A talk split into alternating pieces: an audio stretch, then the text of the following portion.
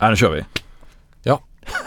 Eller Halloj, välkomna till ett nytt avsnitt av eh, redaktionspodden från Placeras redaktion som idag har samlat eh, en trehövdad styrka i form av mig själv, Martin Holmgren och Ludvig Lönngård.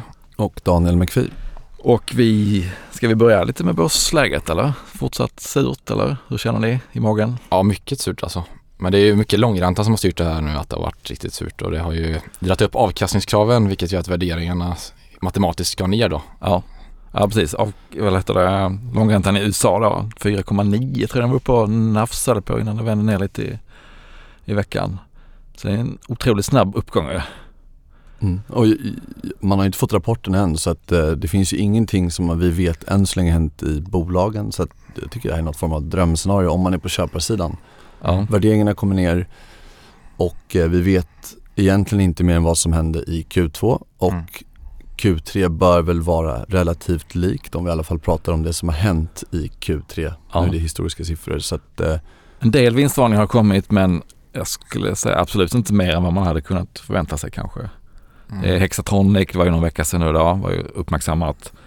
Eh, Som en, egentligen inte var väl en regelrätt vinstvarning utan ett förtydligande om en negativ försäljningstillväxt organiskt i andra halvåret där de redan också hade flaggat Mm. tidigare. men sämre intäkter och samma marginal brukar ju innebära lägre vinst. Eller? Ja det är och för sig sant. Vi får väl se, rapporten har inte kommit än men, nej, men det är ju, vilka var Tieto var ute och sänkte någon guidning för ganska länge sedan. Entain, spelbolag inom sportspel på vissa marknader var lite sämre. Så här och där finns det ju lite liksom, fläckar av sämre Mm. marknad. Och sen såg jag in vid också fönstertillverkaren som varslade, fortsätter varsla nu i elitfönster. Så det är väl också väldigt tufft där i ja, nybyggnationsmarknaden. Går väl skit liksom. och det är väl, det är väl så här, de, the usual suspects på något sätt. Men det har ju inte kommit någon sån här Bamsebolag som har eh, sagt att liksom, nu har marknaden kollapsat. Mm. Så att antingen så håller de på det till rapporterna eller så blir det kanske inte fullt så illa ännu som väntat. Vi får Mm. väl se. Fast man börjar märka lite, jag kollade på lyxbolagen. Just det. Eh, på Q2 där, hur de gick. Och då såg man ju faktiskt att LVMH minskar försäljningen i Amerika, 1%. Mhm. Så det är väldigt ganska ordentligt volymtapp då kan jag tänka mig för att det är mycket prishöjningar i de där segmenten. Mm. Så jag tror det, konsumenten börjar lida nu liksom. Och även i den helt andra änden av skalan, jag tittar på de här eh, dollarbolagen, alltså Dollar General och Donald, Don, Donald, Dollar Tree. Donald Eh. Tree. Donald Tree eh, som ju är då ex, liksom extrem lågpris där saker kostar en, förr var det en dollar, nu har de höjt till 1,25. Inflation även där. Eh, som ju vänder sig till eh, kunderna som har det kanske allra, allra tuffast då. Och även de, eh, alltså när de är kostnadsmedvetna är ju bra för de här bolagen. De har växt jättemycket men eh, de går ju på knäna nu många av konsumenterna i USA. Så köper man bara det absolut nödvändigaste vilket sätter press på marginalerna i de här bolagen. För att då, Mm. de har ju svårt att höja priserna. Pricing power är inte liksom deras grej eftersom de har sagt att saker kostar en dollar. Går kostnaden upp så tär det på marginalen. Mm. Så att även de har det tufft. Så att eh, ja, konsument, lite svettigt för konsumentbolag här och där. Men, Men din baby Nike ja, kom en bra rapport. Till synes eller? ja, apropå vinst så just vinsten var ju bra. Eh, men de, de är inne på samma sak. Eh, den amerikanska konsumenten verkar som att den sviktar. Det som är väl intressant att ta med sig där kanske det är att man brukar ju prata om att amerikanska konsumenten är någon form av motor för hela ekonomin. Eh, men där, det är faktiskt den regionen som minskar i försäljningen och då är det lite som Ludde är inne på också, de gör ju prishöjningar men ändå är försäljningen visserligen ner 2% så det är inga dramatiska Mm. tapp och man skulle också kunna hävda att det är extremt starkt med tanke på vad man ser som händer på makroekonomiska fronten. Eh, Men det här är också hälften av deras försäljning så det är en väldigt viktig eh, region för, försälj- eller för försäljningen och sen det som också lyxbolagen har pratat om vilket jag tror Ludde har pratat om tidigare också är att försäljningen i Kina inte går lika starkt som Nej. man hade hoppats Mm. på återöppningen och det vet jag du Martin har pratat om med eh, även verkstadsbolagen. Och det är ju eh, Nikes faktiskt viktigaste område för tillväxt. Mm. Eh, så att Även lyxbolagen, samma sak. Exakt, så att, men de kom in, själva vinsten var ju bättre än väntat. Ja, Nästan en dollar mot förväntat tror jag 0,6 eller 0,5. Eh, vilket var betydligt mycket bättre. Eh, vilket också förklaras av bland annat lite skatteeffekter och så. Så att okej, själva så försäljningen är ju lite lite svajig. Sen växer de i an, alla andra regioner men med låga procenttal. Mm. Just i Nike, där man är, det är man ju inte van vid som svensk, men de drabbas ju av en stark dollar. Så att de har lite faktiskt dollar mot vind i Asien. Mm. Vilket gör att skulle man liksom ta med dollareffekten så växer de faktiskt 12% det vill säga intäkterna i eh, Kina.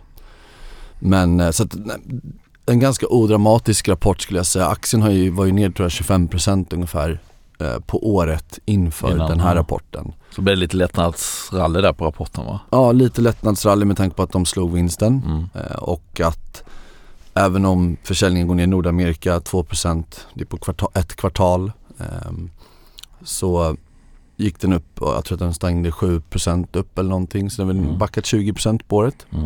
Eh, vilket är väl ganska rimligt med tanke på att det faktiskt är ett konsumentbolag. De värderas relativt högt, P 25 på nästa år ungefär. Och eh, ja, nej, så jag tycker att det var en ganska eh, snarare en betryggande rapport, kanske något annat. Samtidigt så ska man nog fundera mycket på vad betyder en svagare amerikansk konsument Mm. för övriga bolag. Eh, är det här början eller är det slutet? Förmodligen så känns det ju som att i alla fall att den amerikanska konsumenten har en tendens att kanske bli svagare kommande Mm. period snarare än stark i alla fall. Sysselsättningen har ju varit fortsatt bra. Det kommer väl siffror i eftermiddag så att, eh, får vi se hur den Mm. slår både på konsumenterna och på eh, långräntorna. Men ja, folk har ju jobbet kvar i högre utsträckning än man trodde kanske. Så. Mm. Men ska vi eh, från en till den andra. Vi har också skickat ut månadens aktier, ny lista Ja. i måndags va? Och det blev, Inte så stora förändringar men eh, nej du tog väl ut New Wave? jag tog ut New Wave, bara kort motivera det. Det är lite Tog på stoppen? Nikes båt där. Ja, det kan man väl säga. Men alltså, jag är ett eh, New, New Wave-fan och tror rätt så hårt på dem på lång sikt. Värderingen låg. Men de flaggar ju senaste rapporten för att det är ett par tuffa kvartal som väntar nu. Och det är precis de här grejerna som vi är inne på med sport, eh, sporthandeln och konsumenten. Och jag tycker att det kanske är klokt att ställa sig lite utanför inför nästa rapport och kanske en till. Men jag plockar gärna in dem igen längre fram. Så att de, de åkte ut och eh, gjorde plats för Volati. Ja. Så ja, men jag tänkte dra hela Volati-caset här nu då så att det blir lite längre genomgång. Mm, för du Eh. skrev om det förra veckan va? Ja, jag har skrivit om det ett antal gånger. Jag tror jag skrev första gången i årsskiftet och då kom jag fram till att det var avvakta. Ja. Och det har än så länge varit rätt för eh, ja, ni kommer se att de har lite eh, cykliska drag i verksamheten så, och de har ju börjat gå liksom ja, ganska dåligt nu. Vad är det för bolag? Nej, det är en industrigrupp då så det är Okej. ett förvärvsbolag, ett förvärvsdrivet bolag som är indelat i sex olika plattformar i tre olika affärsområden. Så den första plattformen är Salix Group och här har vi byggverksamhet. Det handlar om ja, en handelsverksamhet inom bygg då helt enkelt. Eh, och den här står ungefär för 30% av rörelsevinsten. Men ungefär halva försäljningen sånt där, mycket mer försäljning. Men marginal är lite lägre där så att det blir inte lika hårt mot vinsten när den går ner. Eh, och sen har vi då plattformsbolagen, alltså det är industri. Det är fyra plattformar i det här segmentet och där har vi Corventa som är vattenskadehantering. Och det måste gå ganska bra nu när det har varit översvämningar här. Mm, det låter som de ligger rätt i tiden. Exakt. Eh, och de här, de här olika plattformarna då inom industri, eh, de påverkas kanske inte så mycket av konjunkturen utan det är andra grejer som påverkar kanske. Typ Tornum, det är spannmål Mm. eller ja. Och som sagt då Corventa då kanske helt andra grejer än konjunkturen. Och här kommer 50% av rörelsevinsten så det är största delen. Okej.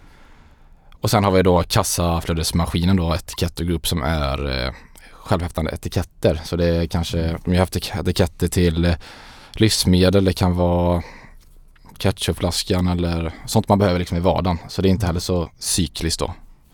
Så det är ganska intressant att fördela ner och har vi lite eh, icke-cykliskt och så har vi lite cykliskt. Och aktierna har gått ner ganska mycket nu. Den, är, ja, den har fallit, jag tror det var runt 20% på tre månader nu.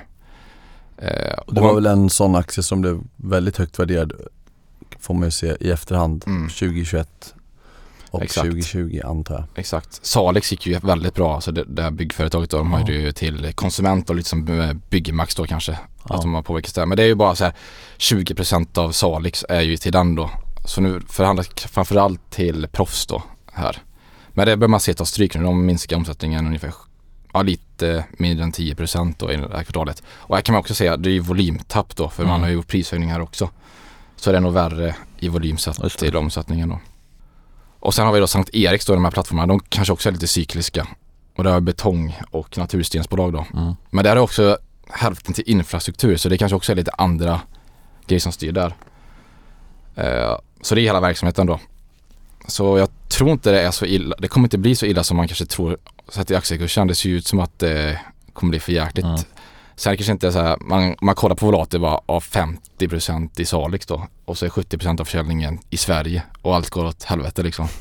Det är inte så man blir sugen kan köpa på det då. Men när man kollar under huven så kanske inte det är riktigt så illa som man kanske tror. Och Salix kommer kanske bli då en mindre del, eh, alltså det kommer vara tufft några kvartal här så det kanske blir en mindre del av kakan och så kanske Etiketto håller emot och så Ja. har vi kanske Corventa som går bra. Så att det blir liksom, det är bra diversifiering liksom. Tror jag.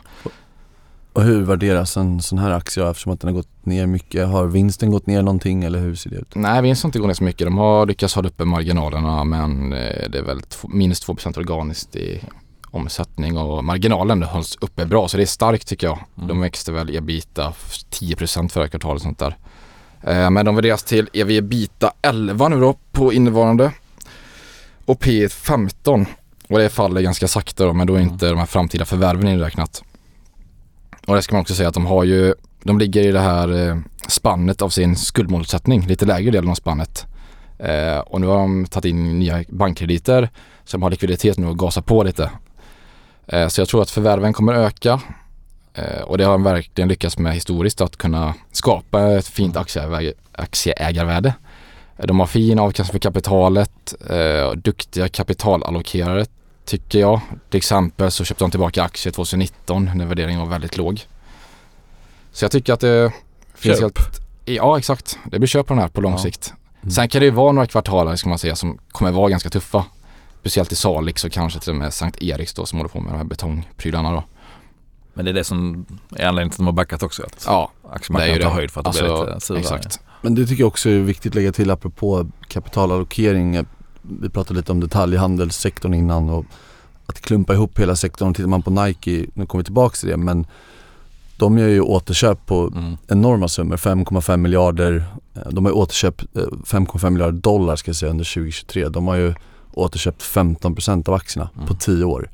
Eh, Och delar ut pengar. Så att jag menar, Mm. även om sektorn kan vara kass ett tag så hittar man ett management eller en ledning eller en styrelse som driver bolaget på ett bra sätt även under lite tuffare tider så Mm. Men det, är det också bli illa, fantastiskt bra. men det är också illa att man liksom gör det i utvalda perioder. Vissa bolag köper ju bara tillbaka aktier oavsett värdering. Och det typ som Copart gör också det liknande att de köper bara tillbaka aktier när de tycker den är undervärderad. Mm. Så det tycker jag är positivt. Eh, Ja, för det finns ju många som gör tvärtom. De köper bara när de har pengar. Gjorde inte Byggmax Ja, det? det. De köpte väl upp tillbaka Ja, det aktier är på toppen. och Electrolux köpte ju också på toppen här och Mm. det var jättemånga som drog igång återköpsprogram för, uh, alltså för ett och ett halvt år sedan sådär. Mm. För att man har mycket pengar då. Inte för att, så jag håller med dig, antingen får man ha en strategi att titta när det är lågt värderat eller bara köpa jämnt liksom Mm. för att inte hamna i den här sned timingen. Timing är Mm. ju svårt även för dem kanske. Även för dem. Ja, är uppenbarligen. Men, Nej. det är, ju- men det är ju, man ska ju passa på när, det, när en aktie blir nedtryckt av liksom en all- allmän oro eller sådär och och Mm. att värderingen är på Ja, en det nivå som gör att man framåt kan få en bra avkastning. Ja, det kommer inte gå konkurs där, det är svårt att se. Så Nej. det Nej, så jag köper på lång sikt eh, kanske några tuffa kvartal men jag tror ändå att eh, värderingen tar höjd för en Mm. del i alla fall. Och du har ju tittat på ett väldigt tidigare högt värderat bolag vet jag Martin. Nibe tänker du på eller? exakt. det är ju lite, det finns ju likheter i alla fall. Ja, Att, absolut att de har haft, eh, ja de har ju väl, de har ju alltid varit ett omtyckt bolag. Eh, för att de håller på med energibesparingar och eh, värme, alltså värmepannor och element och sådär. Värmepannor är ju den stora då, dragloket. Eh, och de fick ju en riktig hypevärdering för en ett och ett halvt, två år sedan sådär. Allt, verkligen allt stod ju rätt för dem. Eh, låga, låga räntor som gör att man har råd att investera i värmepannor. Eh, driver upp aktievärderingen. Och vad är en hype-värdering? Ja det är ju P 70-75 alltså om man tittar på kommande 12 månaders vinsten då. Och de gick ifrån att ha P 20 som är liksom högt men, men fair på ett bra bolag till P 75 plötsligt då på två år. Nu har aktien halverats sedan dess eh, samtidigt som omsättning och vinst fortsätter stiga. Eh, så nu är värderingen nere, börjar närma sig 20 igen. 23 ligger det på kommande 12 månaders vinster. Eh, och så nu tycker jag plötsligt för första gången på länge att det börjar bli intressant att, att köpa det här bolaget. De har ju väldigt ambitiösa tillväxtmål. 20% om året. Jag kan inte komma på något på rak arm som har så högt där. Så många andra industribolag ligger kanske på 6 till 10% Vissa kanske ligger... Och så stort på, också. Och så stort som mm. de har blivit nu. 45 miljarder säljer de, har de omsättning ungefär Oj. på, på eh, senaste 12 månaderna. Så 20, 20 procents årlig eh, tillväxt och så har de också satt upp ett mål på 80 miljarder i omsättning. Vilket skulle vara en dubbling från förra helårets vinst. Eller omsättning. Till vilket år?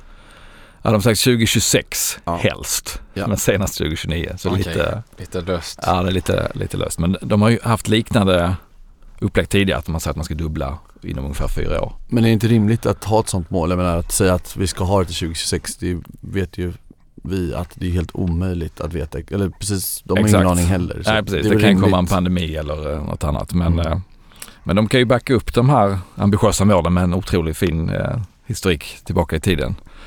Och eh, Gert-Erik Lindqvist som är, han har varit VD sedan 1988. Det var mm. liksom innan muren föll.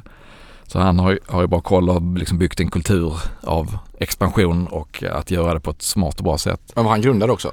Nej, jag tror inte han var grundare. Nej, det var han inte. De är ju äldre än så. Okay. Men uh, han kom in innan, in, långt innan börsnoteringen så mm. han har ju varit där sen, sen noteringen. Ja, det är hans lilla bebis kan man säga då. Eller stora ja, bebis. stora bebis precis. Ja. Den börjar, börjar bli vuxen. Ja. Men uh, kan bli ännu mer vuxen Men de växer mycket med förvärv också va? De har jättemånga förvärv ja. ja. Och eh, då använder de den här decentraliserade modellen som, mm. som många vill ha nu. Som man, också då. Ja, att man inte branda om det man köper och tvinga in alla i samma form utan man köper bolag för att de är bra, eh, hjälper dem att bli ännu bättre, låter dem behålla varumärket och, och ledningen om ledningen är, är bra nog. Så att, och då det tar ner risken lite grann tycker jag att man köper in någonting som, som helt ska stöpas om utan eh, även om man gör ett felköp så påverkar det kanske inte resten av koncernen så mycket. Så goda förutsättningar att eh, växa med bra lönsamhet framåt och ett P tal på 20. Så jag tycker att eh, är man långsiktig, det, som vi pratade om de här bolagen, kommer att vara ett par tuffa kvartal kanske, eller tuffare, tuffa jämförelsesiffror. Men är man långsiktig här så är det nog en bra idé att börja köpa lite Nibu. Är du själv sugen? Ja, ja, ja. det är jag. Har du? Jag har ju inte köpt. Eh, men det är klart att alltså, skulle hösten innebära att det kommer ännu fler så riktigt sura perioder så att den trycks ner ännu mer då definitivt. Men eh, det tycker jag egentligen inte man behöver gå och vänta på. Man kan börja småköpa redan nu. Mm. Det svåra tycker jag, det har jag ju själv fått uppleva med Hexatronic till exempel, det kommer vi in på sen kanske men just det här när sentimentet kring en aktie förändras så mycket, det är så mycket flöden. Ja. Bara nu har man ju sett, den har väl handlats mellan 60 och 70 mm. och, vilket är ganska mycket så. Um, och när, det känns som att när det blir sånt extremt förändrat sentiment i en aktie så kan det vara värt att köpa lite över tid. För ja. den kan lika väl gå till 50 som 45. Det är inte riktigt precis. det du ser som... Nej men precis, P23 det kan lika vara P18 om det blir surt. Ja.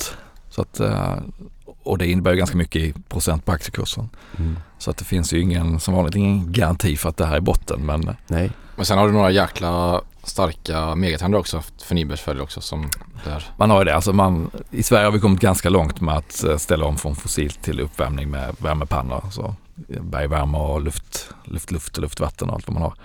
Men i många länder har man inte det så att det finns ju en enorm marknad framåt. Både, eh, både för Nibe och konkurrenterna såklart. Så att även om det, det poppar upp nya konkurrenter som, som fattar att det här är en jättetillväxtmarknad men eh, de som är starka från början, om de spelar sina kort rätt så, så innebär ju inte det att de inte kommer att kunna växa heller. Så. Det känns ju som att, jag kan inte så mycket om den här marknaden, men det känns som att de har ett extremt starkt varumärke och som lite vi pratade om tidigare att, på redaktionen då att det känns ju inte som det beslutet man snålar in på när man ska byta värmekälla i huset. Nej, det blir ju mer, det blir ju nästan som ett företagsekonomiskt beslut att man räknar på uh, hur mycket energi kommer att spara och vad kostar energin och hur många år kan jag räkna hem den här investeringen på. Så att det är ju inte, det är inte som att köpa en Nike, eh, ska man säga, Nike-tröja där man kanske går på utseende och känsla. Här är det ett mer ett rationellt ekonomiskt beslut. Ja, och man kanske frågar grannen också ja. vad de har gjort. Så. Och man vänder sig ofta till en installatör och frågar vilka rekommenderar ni? Och då rekommenderar de ju förmodligen ett fåtal som de brukar jobba med som de vet är kvalitet som inte går sönder och sådär. Mm. Eh, och apropå varumärken så har de ju då lokala varumärken som de har köpt upp som är starka där. Så att det är inte så att de måste då bomba på med global marknadsföring för Nibe-varumärket. Utan det, de, eh, de har liksom behållit den här småländska Markarydsandan att eh, kvalitet, växa i, fortsätta växa, expandera, liksom ligger i generna. Och att göra det med lönsamhet, inte, inte gasas helt vettlöst. Ja, det ska man inte underskatta om man är långsiktig. med Nej, jag tror inte det. bolaget. Sen är då Gert-Erik Lindqvist, han är ju över 70 så en dag kommer han att sluta naturligtvis. Så det är väl en, en risk med tanke på att han har varit där så länge och eh, är så liksom, förknippad med hela bolaget. Mm. Men det kom, kanske kommer en lill Gert-Erik som tar över. Hoppas det.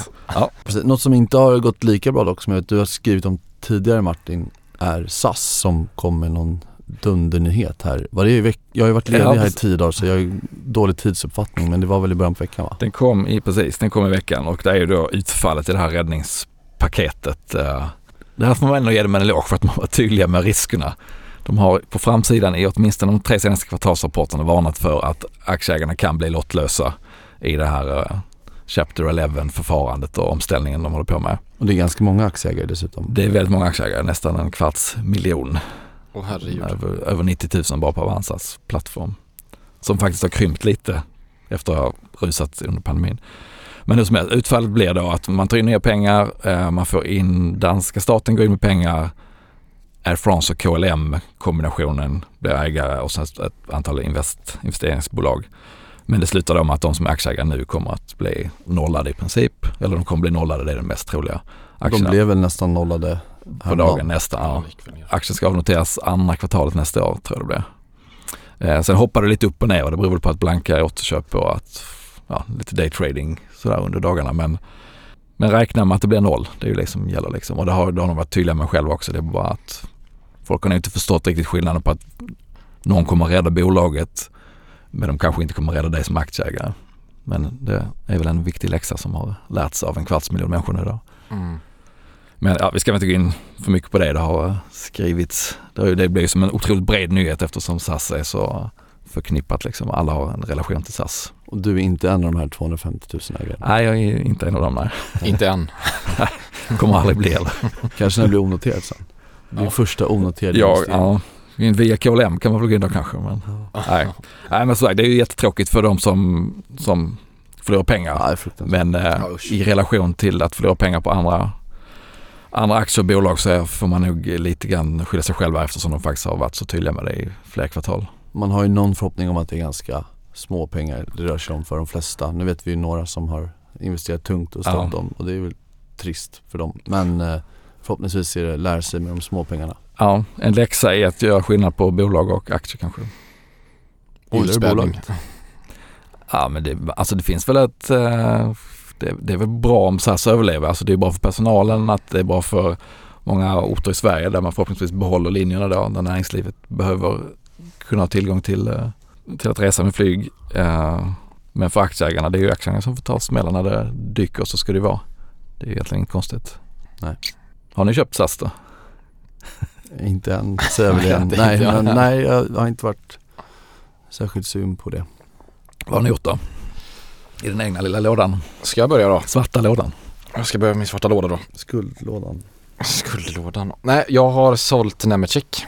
Ja. Det är mjukvarubolaget. Och, Bygg, är det bygg? eh, Exakt. mm. Och det är inte egentligen för att något speciellt har hänt utan den har gått bra och så. Lite dåligt nu den sista. Och sen har jag lagt in de pengarna på Topicus då istället för att jag tyckte att det fanns bättre Ja, bättre reward där. Och sen vill jag även eh, koncentrera min portfölj lite för ha lite mindre innehav. Så då sålde jag dem och körde in de pengarna i Topicus som har gått lite svagt nu. Och det är ju framförallt eh, dels för sentimentet men även att de har ett eh, bolag som faktiskt är noterat i Polen som heter Sinity.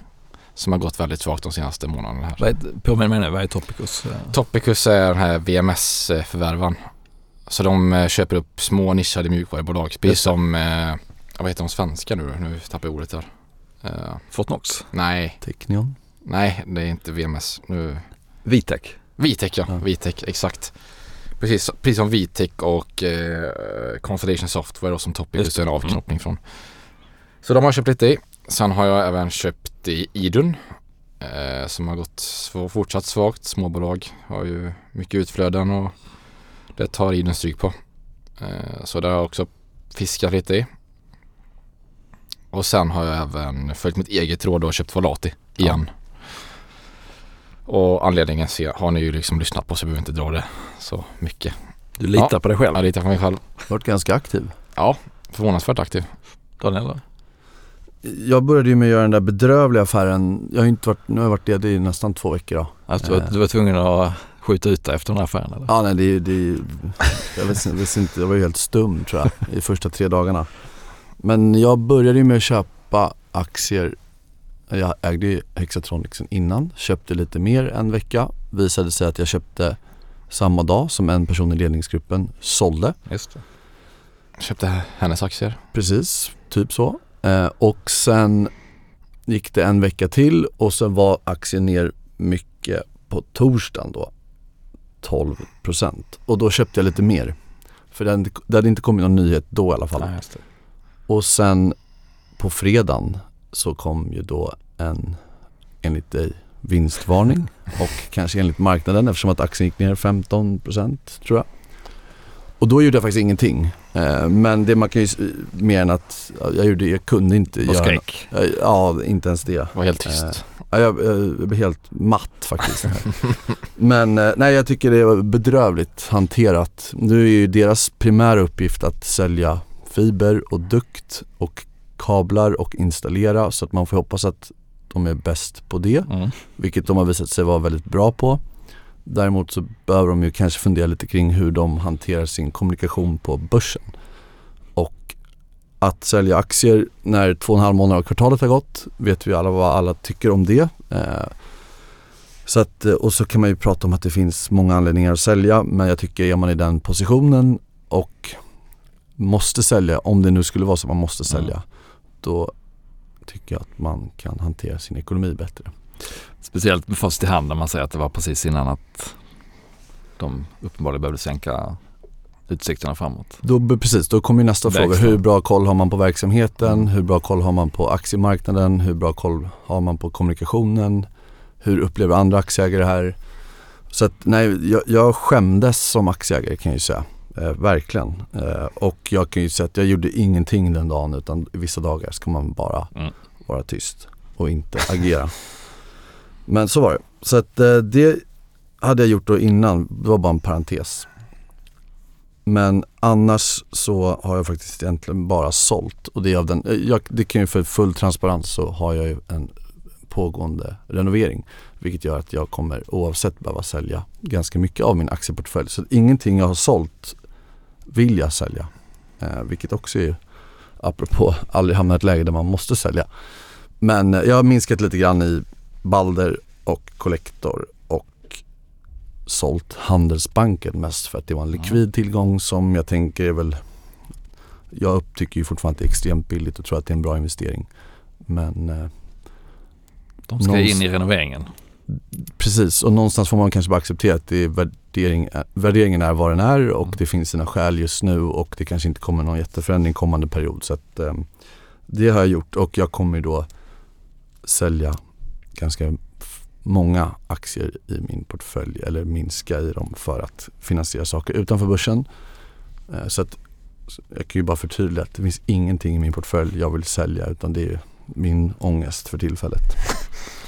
Någon ska hålla bygg, byggindustrin under armarna. Det, Ja, och vad var det? Ja, Natursten. Natursten, var det inte de sålde Natur- inte? Jo, Sankt Ja. Eriks. Ja, det köpte jag häromdagen kan jag säga. Från Sankt Eriks. Nej, men jag kan också säga att det var 30% rabatt så de rensar väl ut alla lager nu så att snart kommer det väl köpas igen då. Kanske. Mycket och du då. Martin, förutom att du ja, inte men har jag köpt SAS? har gjort för någon, jag har inte varit med på någon vecka men jag sålde för några veckor sedan i Microsoft. Mm. Jag köpte i början på året. Det har varit en fantastisk utveckling. Eh, Jag gick in när de började, de ökade det här Open AI och hela AI-hypen började. Mm. Så den har jag fått åka med på lite grann i alla fall. Nu är de ju högt värderade, inte vansinnigt kanske men jag tror de ligger så här P35.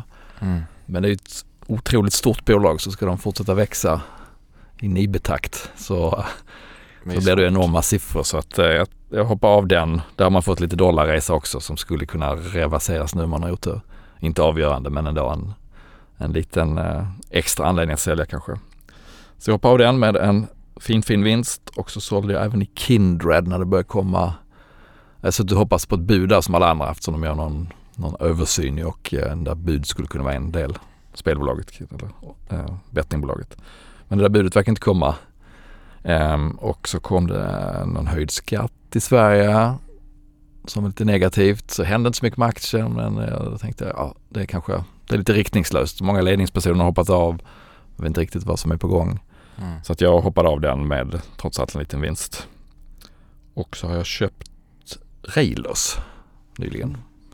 Konsult? Teknikkonsult, precis. Ja. Som är också ganska nedtryckt. Uh, som Elinor också äger eller har köpt i sin Ja det tror jag. Det är med i Månadens aktier. Ja, från Elinor som ett av Elinors bidrag. Precis. Ja men precis. Ja men det är väl eh, lite surare marknad även för dem eftersom kunderna har det lite tuffare. Men samtidigt de är, har ju väldigt mycket mot liksom, infrastruktur och gröna omställningsprojekt och sådär.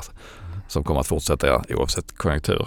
Och betydligt lägre värderat än Sweco med andra. Ja eller? precis, Sweco sticker ut. Både OF eller Afri som de väl heter sen tio år kanske.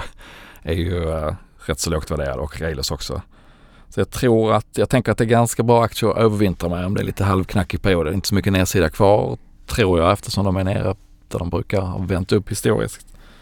Samtidigt som det är rätt stabil verksamhet i grunden. Det är ju mm. konsulttimmar man säljer och behöver man dra ner så drar man ner på antal konsulter. Så att eh, vänder det lite där tror jag det finns en ganska snabb uppsida. Bara att marknaden blir lite mindre sur samtidigt som nedsidan är begränsad. Så att de eh, tar jag mig igenom hösten med tänkte jag, de här två. Afri och Railers. Det är det jag har gjort. Nu är du uppe i mycket kassa igen känns det som. Ja, kanske 8-9 procent sådär. Det var inte så mycket. Nej. Man måste ha lite krut till rapportperioden kvar. Ja, det kommer bli spännande. Ja. Ja, det blir spännande. Men det kanske vi ska gå in djupare på nästa vecka lite. Vad vi tror om kommande rapporterna. And in the meantime tar vi helg. Det gör vi. Trevlig helg. Trevlig helg.